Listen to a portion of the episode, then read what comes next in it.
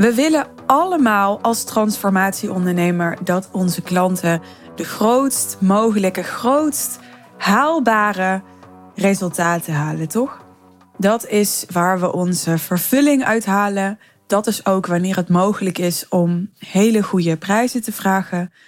En dat is ook wanneer het mogelijk is om een simpel bedrijf te hebben die niet al je tijd opslurpt. Want klanten die minder goede resultaten halen, die meer worstelen, die ook ja, meer blokkades nog hebben, die zullen altijd meer van jouw tijd vragen. Dus de, de magic key naar een simpel en heel winstgevend bedrijf is dat je precies de juiste klanten hebt die met weinig van jouw tijd en energie en aandacht. Waarmee ik niet wil zeggen dat je dus je klanten maar zo min mogelijk aandacht wil geven. Dat is iets anders. Maar je wil klanten die er niet per se afhankelijk van zijn om hele goede resultaten te halen. Nou, ik ga daar in deze aflevering even niet veel dieper op in. Ik heb al in eerdere podcastafleveringen gedeeld dat ja, de klant op wie je je richt essentieel is voor de resultaten die je met je bedrijf kunt halen. Wij denken als ondernemer heel vaak in uh, wat kan ik aanbieden dat heel veel waard is, of wat kan ik aanbieden dat mensen heel graag willen kopen. Een veel interessantere vraag om jezelf te stellen als ondernemer is: wie is de klant die mij misschien wel vijf keer zoveel gaat betalen als het bedrag dat ik nu vraag? Want dat is automatisch ook de klant die veel betere resultaten gaat halen. Relatief althans. Want een klant die je vijf keer zoveel betaalt, is een klant voor wie het wellicht ook vijf keer zoveel waard is wat jij doet. Als het goed is, is dat zo. En daarmee is dat niet alleen een klant die je veel meer geld oplevert en ook veel meer vervulling, omdat je er veel meer impact op kunt maken. Maar ook een klant die maakt dat het bijvoorbeeld veel makkelijker is om weer nieuwe hele goede klanten aan te trekken. Want dat is namelijk wat fantastische resultaten doen voor jouw business. Die hebben natuurlijk enorme aantrekkingskracht. Hè? Hele goede social proof is heel overtuigend voor je marketing. Nou, nogmaals, daar ga ik nu even niet veel verder op in. Ik ga deze aflevering het met je hebben over: oké, je hebt die klant, je hebt een hele goede klant. Wat kun je nou doen tijdens jullie samenwerking om de resultaten verder te optimaliseren? Dus ik ga ervan uit dat je al goede resultaten haalt, maar je wil als gevestigde ondernemer natuurlijk altijd kijken hoe kan het beter? Vooral gericht op kwaliteit. Dus niet zozeer op kwantiteit, op volume. Hè? Hoe kan ik groeien door nog veel meer klanten aan te trekken? Wat mijn klanten vooral interessant vinden, is onderzoeken hoe kan ik in, in kwaliteit nog veel meer van waarde zijn. En doordat je nog veel meer van waarde bent, kun je meer geld vragen en dus ook meer verdienen. Dus je gaat niet zozeer groeien in volume, maar je gaat vooral groeien in de impact die je hebt. Doordat wat jij bereikt met klanten groter, interessanter, sneller, slimmer wordt. Ik heb vijf dingen genoteerd. Normaal gesproken dan bereid ik praktisch nauwelijks mijn podcast voor. De dictafoon gaat gewoon aan en ik begin te praten. Maar als ik een cijfer in de titel zet, denk ik, oh ja, dan wil ik toch wel eventjes bedenken welke vijf dingen ik ga noemen. Dus ik heb vijf dingen genoteerd. En ik wil daarbij zeggen, waarschijnlijk doe je daar al een hele hoop van. Waarschijnlijk heb je die ook al eerder gehoord. Misschien zitten er ook dingen bij waarvan je denkt: hmm, ja, daar laat ik echt nog wat steken vallen. Gaat niet over goed of fout, dat je dus faalt of zo. Maar wel dat je denkt: oh ja, daar heb ik eigenlijk niet zoveel aandacht voor. Maar voor al deze dingen geldt: in welke mate doe je het? En in welke mate doe je het goed? dus ik vind het vooral belangrijk voor mijn klanten en ook voor deze podcast dat ik niet ja, alleen maar nieuwe dingen loop te vertellen, want dat is voor mij geen doel op zich. Maar ik wil je vooral helpen om de dingen die je hoort, de dingen die ik in deze afleveringen met je bespreek, dat je daarop reflecteert voor jezelf van oké, hoe doe ik dat al en hoe kan ik dat verder optimaliseren? Nou, de eerste die enorm helpt is accountability. In het Nederlands wordt het ook wel rapporteren genoemd. Maar toen ik het in het verleden had over rapporteren in mijn business, nou, toen kreeg ik altijd weerstand van klanten. Rapporteren vonden ze allemaal verschrikkelijk woord. Alsof je in de klas zit en huiswerk moet maken en dan moet rapporteren over je huiswerk of zo. Ja, ik heb er zelf niet zo moeite mee. Ik vind het juist heel lekker als je een soort duidelijke opdracht hebt of als duidelijke acties zijn bepaald. En eh, je rapporteert dan over je voortgang. Want mij gaf dat altijd als coachie een soort veiligheid. Van oké, als ik rapporteer, dan word ik ook gezien. Dan word ik ook in de gaten gehouden. Dus ik begreep heel goed, oké, als ik terugkoppel hoe mijn progressie is, of wat ik heb gedaan, dan is het ook mogelijk voor mijn coach om daarop te reageren. Om daar feedback op te geven, om daar een rode draad in te zien, om uh, in te grijpen als het nodig is of uh, me aan te moedigen.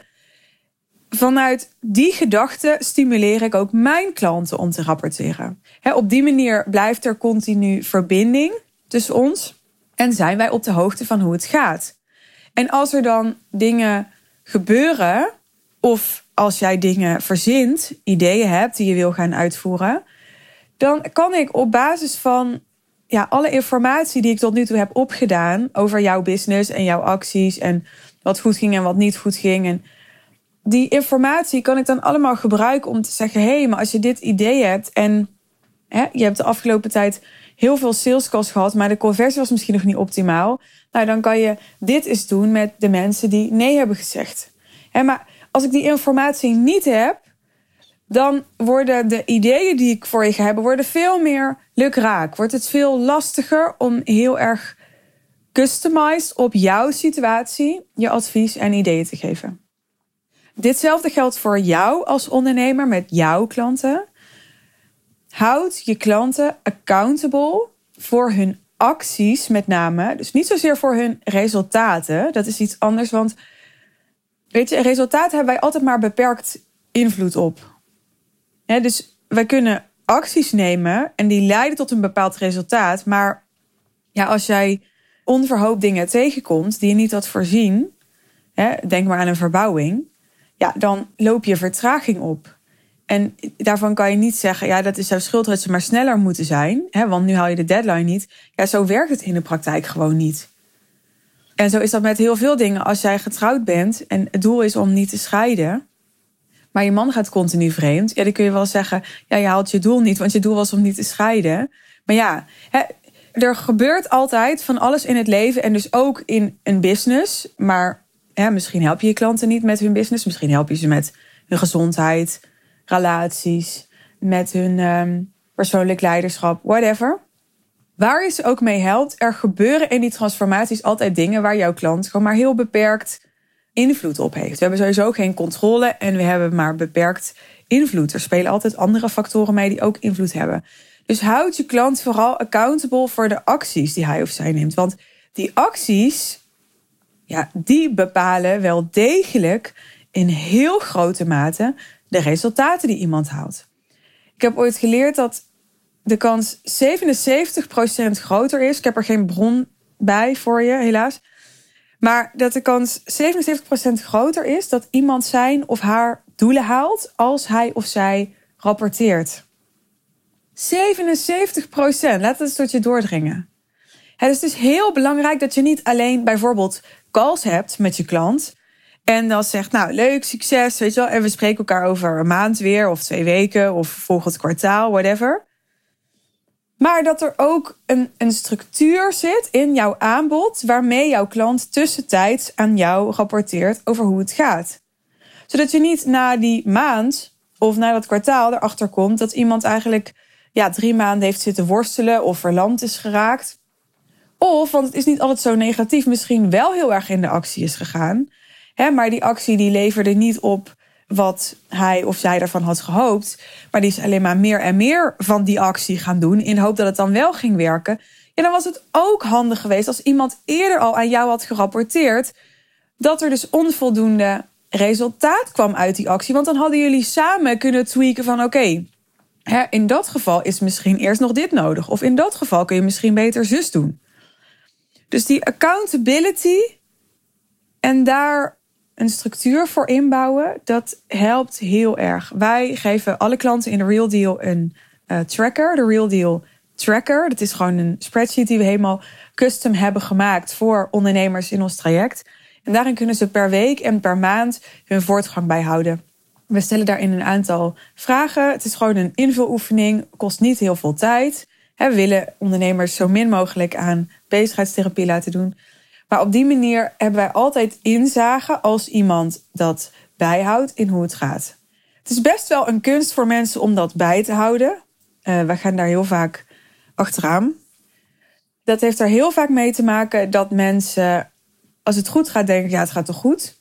dus, dus ja, waarom moet ik dat dan gaan invullen? En als het niet goed gaat, zoiets hebben van: ja, er is eigenlijk niet zoveel om in te vullen, want het gaat niet goed. Terwijl dat, dat is natuurlijk helemaal niet waar het over gaat. Het gaat er niet om dat je het alleen mag invullen als het goed gaat of zo. Het gaat er gewoon om dat je het invult. Ongeacht of het goed gaat of niet goed gaat. Want als het goed gaat, dan geeft dat informatie over hoe je je strategie verder kunt optimaliseren. En als het niet goed gaat, geeft dat ook informatie over hoe je je strategie verder kunt optimaliseren. Nou, zijn er andere mogelijkheden voor accountability dan uh, in een spreadsheet? Ja, uh, in het verleden heb ik het zelf als coachie gedaan in een Facebookgroep. Was er gewoon elke week een moment waarop je in de Facebookgroep kon rapporteren aan de hand van een aantal vragen die je dan beantwoordde. Dus dat is een idee waarop je het kan doen. Je kan het ook doen door je, je, je assistent elke vrijdagmiddag een kwartier te laten bellen. Maar goed, dat kost automatisch tijd en geld ook vanuit jou weer. dus je mag, wat mij betreft, de verantwoordelijkheid bij je klant neerleggen om dat te doen. En jij pakt de verantwoordelijkheid om dat aan alle kanten te stimuleren en te faciliteren. Maar je bent niet iemands moeder. Hè? Dus het zou niet zo moeten zijn dat jij moet bellen omdat iemand anders het anders niet doet. iemand mag zelfredzaam zijn daarin. En je wil ook iemand zo uitdagen dat hij ook zelfredzaam wordt als die dan nu nog onvoldoende is. Dat doe je niet door zijn of haar probleem voor hem op te lossen. Dat is niet waar, waar ons werk over gaat. Nou, wat wij ook hebben in een Real Deal is we proberen uh, mensen aan elkaar te koppelen. Of we proberen dat niet alleen, maar bijna iedereen in de Real Deal heeft een buddy in de Real Deal. Er zijn ook mensen die hebben een, een buddy buiten de Real Deal. Dat mag natuurlijk ook. Nou, ik denk op misschien een paar mensen. Nou heeft iedereen een buddy in de Real Deal. Om elkaar accountable te houden. We hebben ook uh, nu een accountability checklist. Die mensen kunnen gebruiken voor die check-ins. Die ze dan elke week hebben met hun buddy. En dan kunnen ze met elkaar kunnen ze die vragen doornemen en uh, elkaar accountable houden. Wat ik wel eens terug hoor van mensen dat ze zoiets hebben van ja, oké, maar ja, dan heb ik het niet gedaan. En dan, ja, die, wat kan die buddy daaraan doen? Weet je wel, die gaat jou niet op een strafbankje zetten. Nee, dat klopt. Maar ook hiervoor geldt weer: je doet het niet voor je buddy. Je doet het ook niet voor ons. Je doet het voor jezelf. Dus je gebruikt die ander om er zelf mee geconfronteerd te worden dat je bepaalde dingen niet hebt gedaan. En vervolgens is het aan jou om dat dan te veranderen. En als je daar hulp bij nodig hebt, als daar een behoefte zit, om die hulp dan te vragen. En het is niet zo dat je er altijd om moet vragen. Hè? Wij, wij kijken ook mee. Dus als wij zien, oh, dat, dat lukt niet of daar zit iets, dan gaan we daarover met je in gesprek. Maar je doet het voor jezelf. En dat maakt het ook anders dan uh, huiswerk wat je in het verleden wellicht op school deed. Wat je natuurlijk in de end ook voor jezelf deed, maar wat totaal niet zo voelde. Maar dit is iets, je hebt zelf gekozen voor dit traject. Je hebt zelf die investering gedaan. Je bent zelf het commitment aangegaan. Wat daarbij hoort, is dat jij van jezelf accepteert dat het nodig is om te reflecteren op je acties en je resultaten.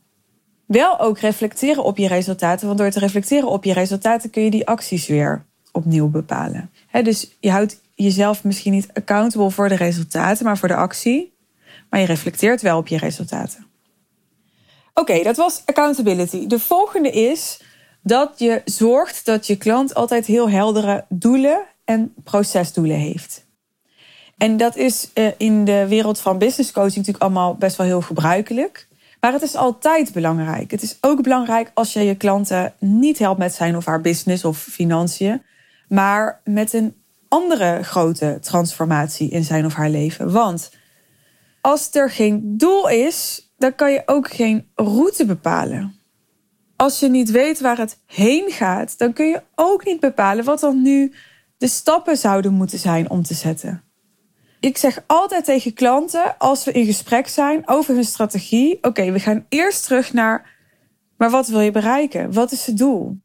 want klanten vragen heel vaak aan mij: ja, ik wil uh, dit of dat doen, of ik heb het plan om dit of dat te doen. Wat denk jij daarvan? Ja, ja dat is eigenlijk helemaal niet relevant. Mijn mening is in die zin niet relevant.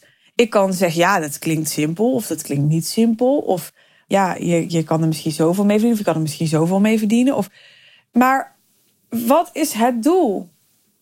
Wat is het doel? En misschien hoor je nu voor het eerst mij het woord procesdoelen gebruiken. Klanten van mij die weten dat ik het daar vaker over heb, dus die kennen die term. Wat bedoel ik met procesdoelen?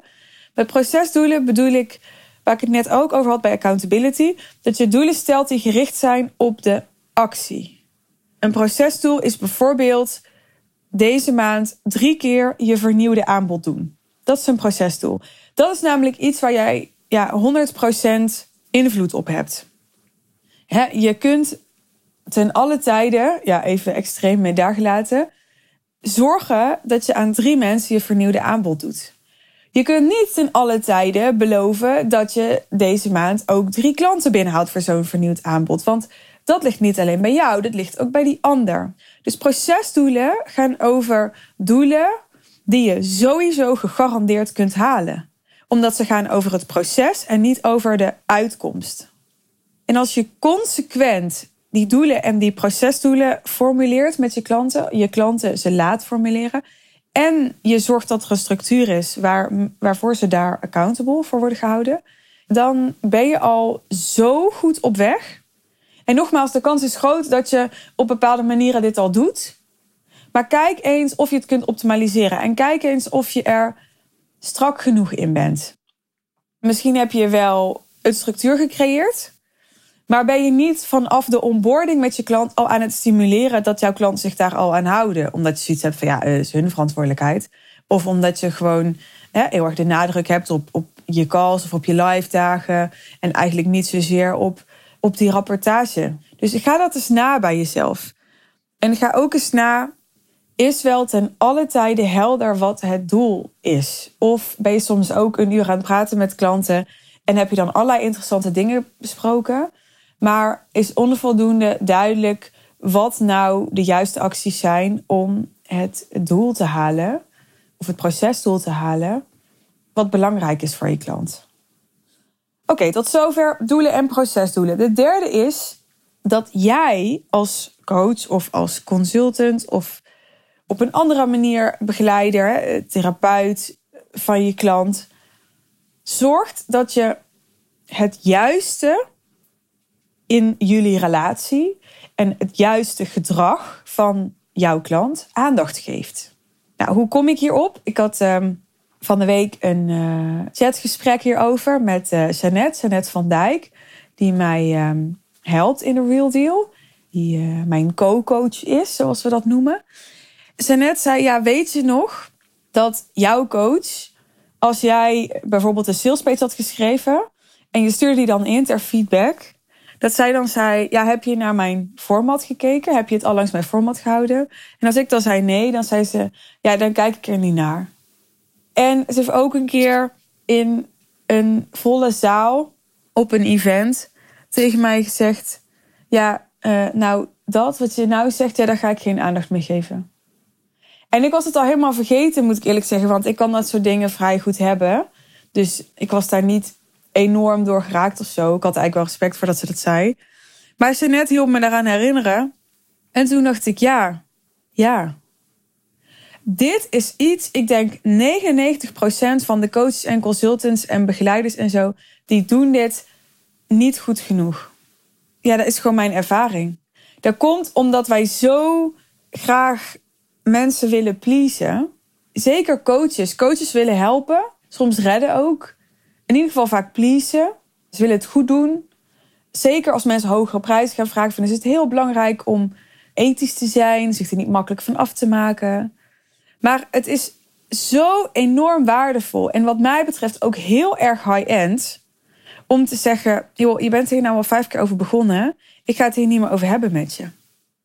Omdat je gewoon weet en ook voelt, je weet het. Je voelt het, maar je handelt er niet naar dat het niet dienend is. En je gaat er toch weer over in gesprek. En je gaat toch weer kijken, waar heeft het mee te maken? Hoe kunnen we het oplossen? Wat is er precies aan de hand? Waar komt het vandaan? je bent het aan het voeden. Je bent het echt aan het voeden. Je bent het niet helpende gedrag aandacht aan het geven. En alles wat je aandacht geeft, dat groeit. Dat weten we. Dus het is zo belangrijk dat je dat wat je wil zien van je klanten, het is net als met kinderen, dat je dat positief stimuleert, dat je dat gedrag positief stimuleert. En dat wat je klant niet dient, het gaat er niet over dat jij het irritant vindt om dat gedrag te zien of aan te horen. Het gaat niet over jou, maar het gaat over wat dient jouw klant. En als het jouw klant niet dient, geef het dan zo min mogelijk aandacht. Wat ik niet bedoel te zeggen hiermee is dat als je klant worstelt, dat je hem maar gewoon negeert en denkt: ja, we moeten die worsteling geen aandacht geven. Nee, wat ik wel bedoel te zeggen is dat je begrenst, hè, dus dat je de worsteling begrenst. Dus natuurlijk kan je het daar een keer met je klant over hebben.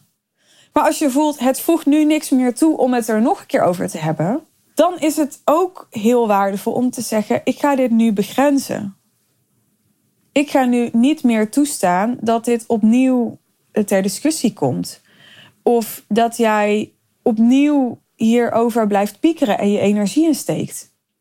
Dus begrenzen en niet negeren, maar wel ook uitleggen: dit is wat er nu gebeurt en dit is waarom ik er dus en zo mee omga. En dan kan het nog steeds zijn dat je klant daar geïrriteerd over is, boos, teleurgesteld.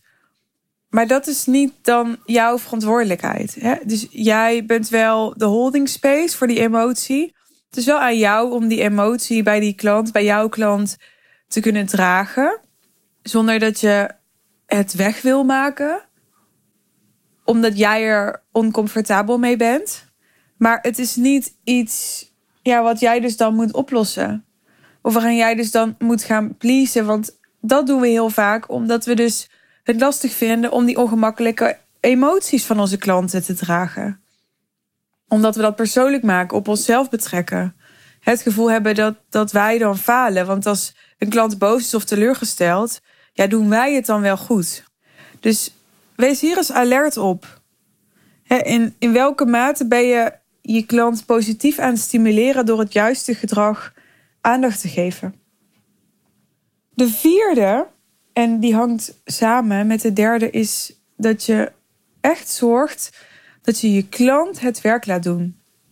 Ik denk dat veel coaches en consultants en trainers veel harder werken dan hun klanten dat doen. Terwijl de transformatie, die doe jij niet. De transformatie die vindt plaats bij die ander.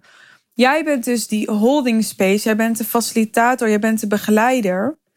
Maar hoe meer jij ruimte inneemt doordat jij zelf het werk gaat lopen doen, hoe minder die ander uitgedaagd wordt, achterover gaat leunen. Dus wel achterover gaat leunen. Niet minder achterover gaat leunen, maar achterover gaat leunen. En mindere resultaten zal halen.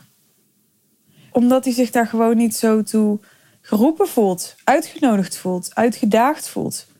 Ga niet zorgen dat je klant alleen maar continu bij je aan het consumeren is, bijvoorbeeld.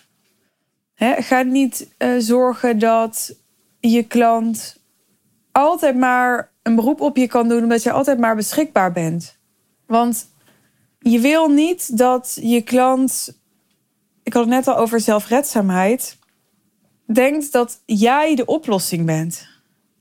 Je bent wel de facilitator van de oplossing. Je bent wel de omgeving waarin de oplossing kan plaatsvinden. Maar jij als persoon bent niet de oplossing. Weet je, het is net als met dat in een liefdesrelatie de ander niet de oplossing is voor jouw geluk.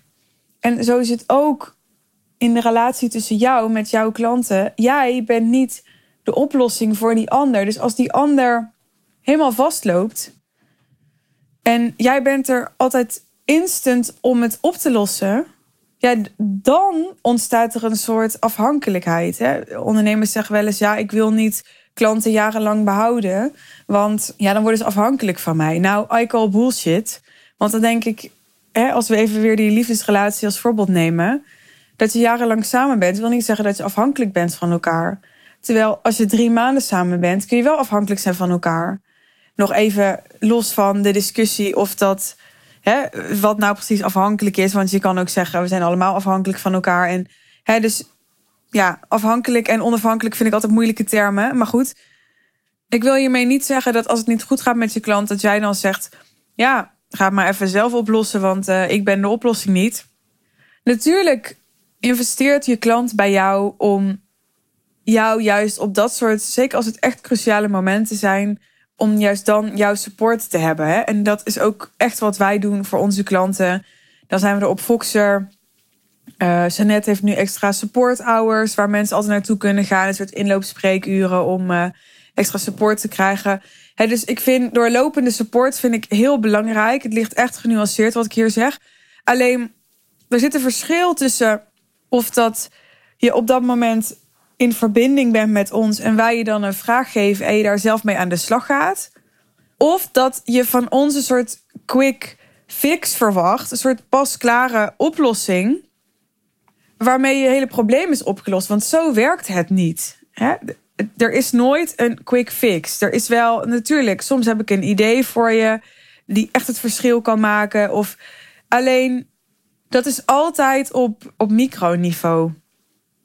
Want als je kijkt naar de grote transformatie, dan is dat natuurlijk nooit een quick fix. Dat gaat over gedragsveranderingen, dat gaat over mindset, gaat over vaardigheden, gaat over de juiste kennis. Dit is niet iets wat je even zo instant leert of tot je neemt of doet of kunt. Daar is gewoon tijd voor nodig. Dus op microniveau kan ik natuurlijk soms een antwoord geven waarmee je heel snel weer verder kunt.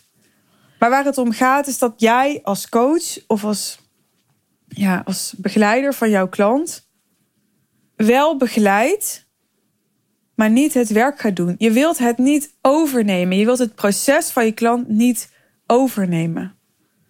Sommige ondernemers zijn gewoon veel te bemoeierig.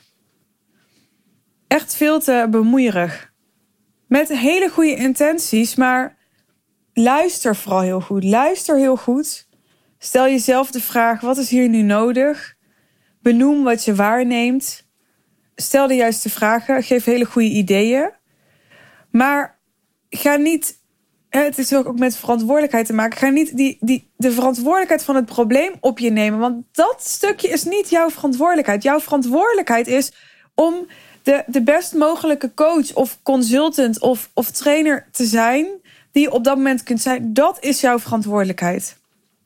Maar het, het probleem of de doorbraak of wat dan ook, dat is dat niet. Dat kan niet. Want zoals ik net ook al zei, dat is van vele factoren afhankelijk. En natuurlijk voor een heel groot deel afhankelijk van de ondernemer zelf. Die misschien alles volgens het boekje kan doen. Ik zeg nu de ondernemer zelf, maar dan ga ik even vanuit dat je op ondernemers richt. Dat hoeft natuurlijk niet per se, maar van de klant zelf. Die kan alles volgens het boekje doen. Maar soms is er gewoon nog een, een, bijvoorbeeld een interne shift nodig. Die, die nou eenmaal tijd kost. Weet je, waar jij niet een soort, ja, een soort geheime code toe hebt om die instant te laten plaatsvinden. Ja, en dan de vijfde. En die gaat voor mij over proactief geven wat je klant nodig heeft.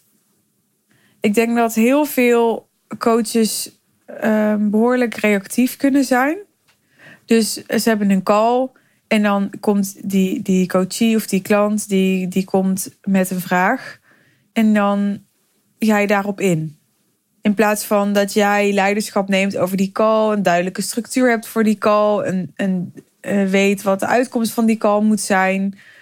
En ook tijdens die call waarneemt van hè, wat, wat gebeurt hier nou? Wat zeg je nou eigenlijk? En wat is er dus naar mijn idee nodig? En dat is ook echt een game changer, want jouw klant die weet namelijk nooit zo goed wat nodig is als jij. Daarom ben jij de expert en is hij of zij jouw klant. dat is logisch. Dus ik vraag ook heel vaak, hè, even voor de duidelijkheid, aan klanten: wat heb je nu nodig? Dan luister ik en ik doe iets met dat antwoord. Wat niet altijd wil zeggen dat ik het antwoord opvolg. Maar ik, ik luister er wel naar. En ik doe er wel iets mee. Als in, ik maak de afweging. Oké, wat, wat vind ik hiervan? En denk ik inderdaad dat dit nodig is? Denk ik inderdaad dat dit zinvol is? Dus niet zo dat, dat je die vraag niet mag stellen. Ik denk dat het een hele goede vraag is om te stellen. Maar niet alleen maar. Niet alleen maar wat wil jij? Wat denk jij? Wat heb jij nu nodig? Wat vind jij? Wat zou jij nu van mij willen? Wat... Nee, ook proactief aangeven hè, wat ik denk, of wat ik ervaar, of wat ik zie, of wat ik voel, of wat ik weet uit ervaring, of wat ik. En daarmee komen. Want daar zit jouw toegevoegde waarde in dat jij dingen ziet en spiegelt en bedenkt op basis van ervaring met, met eerdere klanten, hè, eh, ehm, op basis van een track record dat je hebt, wat er mogelijk is voor je klant of wat oplossingen zijn voor je klant waar je klant zelf nog niet aan had gedacht. En omdat je klant er zelf nog niet aan had gedacht, kan die er ook niet altijd naar vragen. Je kunt wel je klant leren om dit soort goede vragen te stellen. dus soms vragen klanten aan mij: ja, wat, wat denk jij als je dit zo allemaal hoort? of wat zie jij nu in, in mijn business wat ik zelf niet zie? Dat zijn hele interessante vragen. Ik weet natuurlijk niet altijd wat die ander zelf niet ziet, maar ik kan dan wel teruggeven wat ik zie. En dan heb je een waardevol gesprek. Vijf manieren om klanten betere resultaten te laten halen. Dit waren ze alle vijf. Er zijn natuurlijk nog veel en veel meer. Maar ja, hè, als je meer wil, dan moet je maar klant worden. Zo werkt het spelletje nou eenmaal. Dus ehm, ja, wil je dat? Althans, wil je daarover met ons in gesprek over mijn business traject? Met alle liefde doen we dat. Eh, je kunt je call boeken via de link in de show notes. Daar vind je de link naar de salespage over The Real Deal. Ik kijk er naar uit om, uh, om je verhaal te horen. En voor nu, uh, vergeet je niet te abonneren of mijn kanaal te volgen als je nog niet geabonneerd bent op mijn podcast. Zo krijg je automatisch notificaties als ik nieuwe afleveringen voor je heb. Mocht je willen reageren, je bent super welkom. Stuur me gerust een DM. Ik wens je een hele mooie dag, avond, nacht en tot de volgende aflevering.